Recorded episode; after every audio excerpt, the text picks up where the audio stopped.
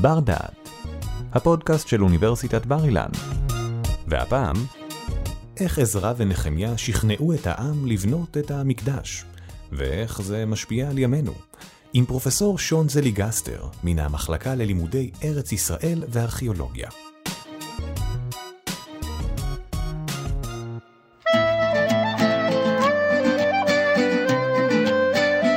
עד כמה הר הבית חשוב לנו? עד כמה מצב הדרת היהודים מההר צריך להדאיג אותנו?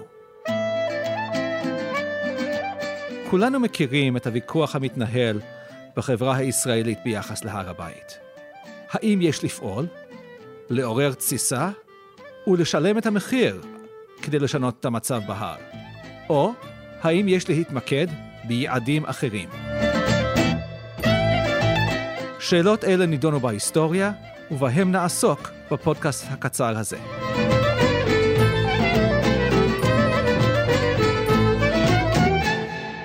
שמי שון זלג אסטר, ואני פרופסור חבר במחלקה ללימודי ארץ ישראל וארכיאולוגיה באוניברסיטת בר אילן. כפי שציינתי, שאלת הר הבית אינו ויכוח חדש. שאלה זו התעוררה כבר בתחילת ימי הבית השני, בימי שיבת ציון אחרי גלות בבל, כלומר, סביב שנת 538 לפני הספירה, לפני כ-2,600 שנה. האם יש לבנות את בית המקדש בתחילת העליות? בתחילת השיבה לארץ ישראל? איפה עומד הר הבית בסדר העדיפויות הלאומי? נציג את השתלשלות העניינים בראשית תקופת בית שני, היא תקופת שיבת ציון, ואחר כך נראה שיש מן הנביאים שצרידו בבניין מיידי של המקדש, ונביאים שהעדיפו לדחות את העניין לסוף תהליך השיקום הלאומי. אנחנו יודעים איך התחילה שיבת ציון. בעזרא פרק א' מסופר על הצהרת כורש, הצהרה שניתנה סביב שנת 538 לפני הספירה, וכך מסופר: האיר השם את רוח כורש מלך פרס, ויעבר קול בכל מלכותו, וגם במכתב לאמור. כה אמר כורש מלך פרס, כל ממלכות הארץ נתן לי השם אלוקי השמיים, והוא פקד עלי לבנות לו בית בירושלים אשר ביהודה. מי בכם מכל עמו, יהי אלוקיו עמו, ויעל לירושלים אשר ביהודה, ויבן את בית השם אלוקי ישראל, הוא האלוקים אשר בירושלים. נוסחה זו, שמצויה בתחילת ספר עזרא, אינה כנראה הנוסחה המקורית של הצהרת כורש. כמובן שההצהרה עצמה ניתנה בארמית, והנוסחה שלה נמצאת בעזרא פרק ו'. ההצהרה מופיעה בלשונה המקורי, ושם אנחנו רואים שההצהרה מתמקדת בפרטי בניין המקדש. כמה נדבכים יש לבנות, מאילו חומרים יש לבנות את המקדש, מה יהיה גובהו של המקדש, היתר בנייה, במילים אחרות. לעומת זאת, כאשר היהודים תרגמו לעצמם לעברית את הצהרת כורש, הם התמקדו בהיבטים אחרים. כפי שציינו כרגע, בעזרה פרק א' מצויה הנוסחה הידועה של הצהרת כורש, הנוסחה העברית, הנוסחה שהיהודים כתבו, ובנוסחה הזו התמקדות על העלייה לירושלים, לא רק על בניין המקדש. שני העניינים האלה, מצד אחד בניין המקדש, מצד שני העלייה, הם יהיו הנדנדה עליה אנחנו נדבר בדקות הקרובות. האם להעדיף את העלייה, או האם להעדיף את בניין המקדש.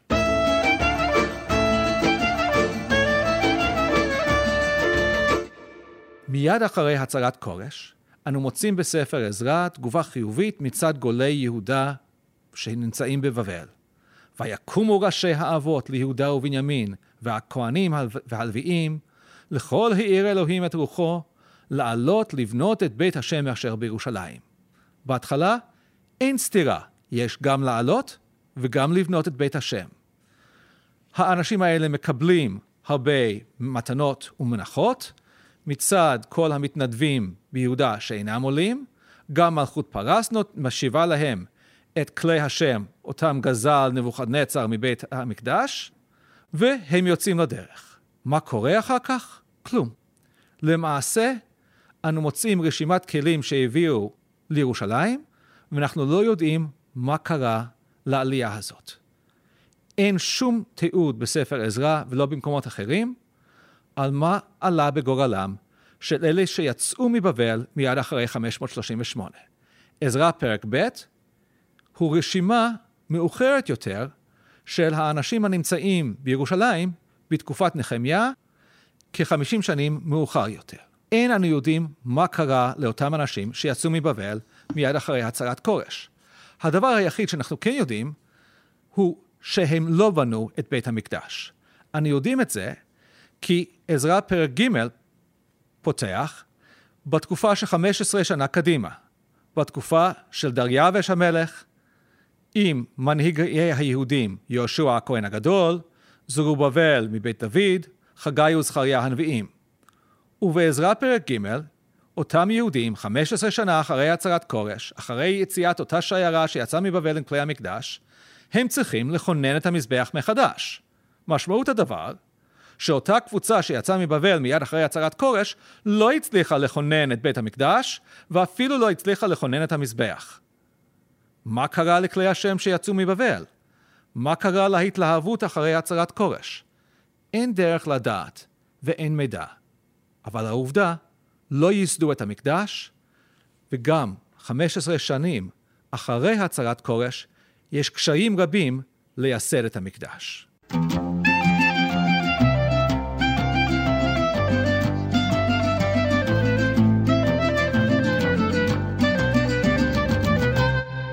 מדוע היה להם קשה לכונן את בית המקדש? הסיבות לכך ברורות. מעט אנשים חוזרים לארץ, בארץ יש עוני רב, אוכלוסייה מעטה, אין סחר, אין תעשייה, כמעט ואין חקלאות קיום. האנשים מאוד מתקשים לייסד את החקלאות הקיום הבסיסית שמאפשרת להם להתקיים, ולכן בניין המקדש הוא משימה שמהם והלאה. כך אנו מוצאים אפילו בדבריו של ישעיהו בפרק מ"ח. ישעיהו בפרקים מ' עד ס"ו מלווה את תהליך שיבת ציון, וכאן בפרק מ"ח הוא מתאר את המשימה שניתנה לו מאת האלוקים. המשימה היא להקים ארץ, להנחיל נחלות שוממות. כלומר, משימתו היא להקים את המצב בארץ ישראל ולהנחיל לחוזרים נחלות שוממות, כלומר, נחלות שהן עזובות. בניין המקדש הוא איננו משימה אפשרית.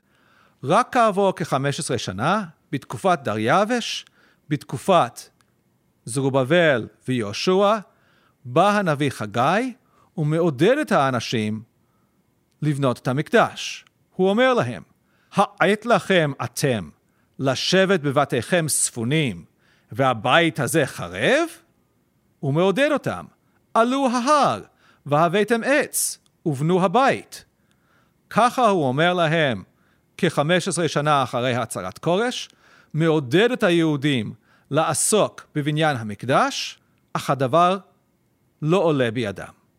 יש התנגדות עזה מצד תושבים אחרים בארץ לפרויקט בניין המקדש, ויהודים רבים לא מוכנים לעסוק בעניין.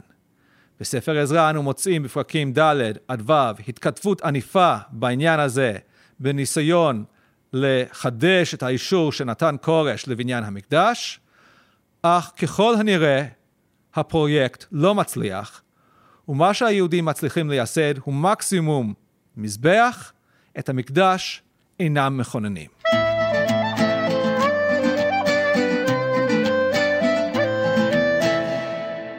עוברות כמעט 40 שנה, עד שסביב שנת 468 לפני הספירה, עולים מבבל עזרא ואחריו נחמיה.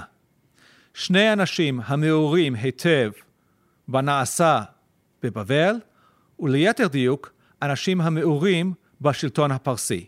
אנשים המקושרים למלך ארתחשסט, נשלחים מטעמו ליהוד, כלומר לארץ ישראל, ובעידודם ובהצלחת פעולתם נבנה המקדש.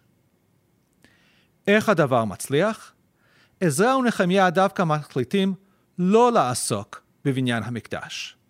עזרא מתעסק בהיבט הרוחני, בהוראת התורה ביהודה, ומצד שני נחמיה עוסק בביצור העיר ירושלים ובליכוד הציבור הרחב סביב פרויקט בניית חומות ירושלים. רק אחרי שחומות ירושלים עומדות על תילן, דבר המאפשר שיפור המצב הכלכלי בארץ ישראל, רק אחרי זה ניגשים עזרא ונחמיה לעניין המקדש. גם אז עזרא ונחמיה דואגים לכך שענייני המקדש יהיו נגישים לעם. מה משמעות נגישים לעם? בימיהם של חגי וזרובבל, בתקופת דריווש שדיברנו עליה, עליה לפני כן, חגגו את חג הסוכות בעיקר בתוך המקדש, כפי שמסופר בעזרא פרק ג'. חג הסוכות נתפס אצלם כחג שבו מקריבים קורבנות ומקיפים את המזבח. לעומת זאת, בנחמיה פרק ט', אנו שומעים על היבט אחר של חג הסוכות. חג הסוכות איננו חג שאותו חגוגים רק בתוך המקדש, אלא חג שיוצא מהמקדש אל העם. וכך נאמר, ואשר ישמיעו ויעבירו קול בכל עריהם ובירושלים לאמור, צאו ההר, והביאו עצי זית, ועלי עץ שמן, ועלי הדס, ועלי תמרים, ועלי עץ אבות, לעשות סוכות ככתוב. הדגש הוא על עשיית סוכות ברחובה של עיר, כדי שחג הסוכות יהיה חג שרואים אותו גם אלה שאינם נכנסים למקדש. כידוע, רק טהורים יכולים להיכנס למקדש. לאיש הפשוט לא כל כך קל להיכנס למקדש, ולכן בנחמיה אנו מוצאים שאת חג הסוכות חוגגים ברחבי העיר, וכך נאמר, ויצאו העם, ויביאו, ויעשו להם סוכות, איש על גגו ובחצרותיהם, ובחצרות בית האלוקים, וברחוב שער המים, וברחוב שער אפרים, ויעשו כל הקהל השבים מן השבי סוכות, וישבו בסוכות. כלומר, כולם חוגגים את חג הסוכות, ומדגישים בכך את השמחה בשיבה לארץ ישראל. ותהי השמחה גדולה מאוד, נאמר. המקדש הופך להיות נחלת העם הכללי, בכך שחוגגים את חג הסוכות, שהוא חג שחלק ממנו לפחות נמצא בתוך המקדש, מעבירים אותו לחובה של עיר, וכך נוצר חיבור בין רחובה של עיר, בין האיש הפשוט שנמצא ברחוב ובכיכר העיר, לבין המקדש.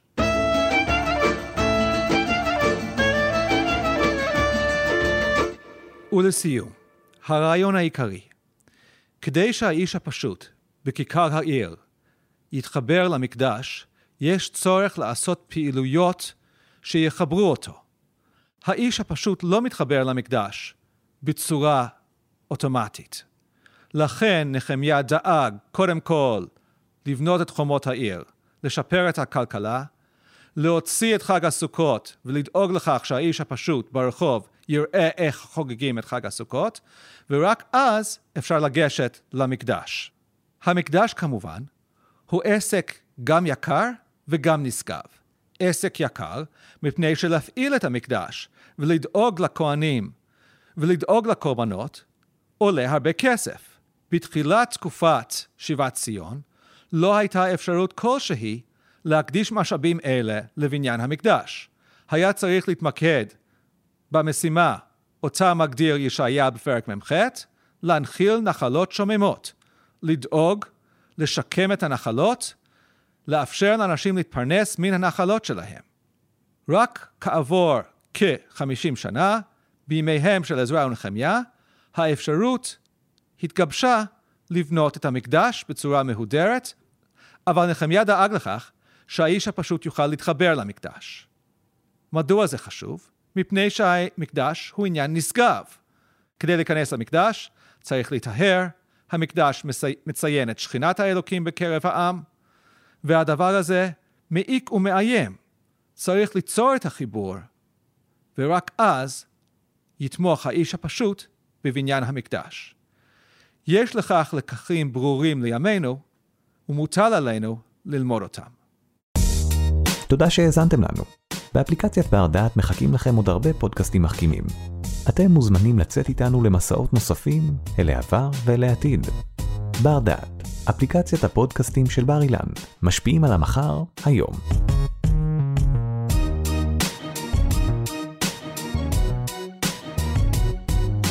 עורך דור קומט מפיק ראשי אורי טולדנו. תודה על ההאזנה.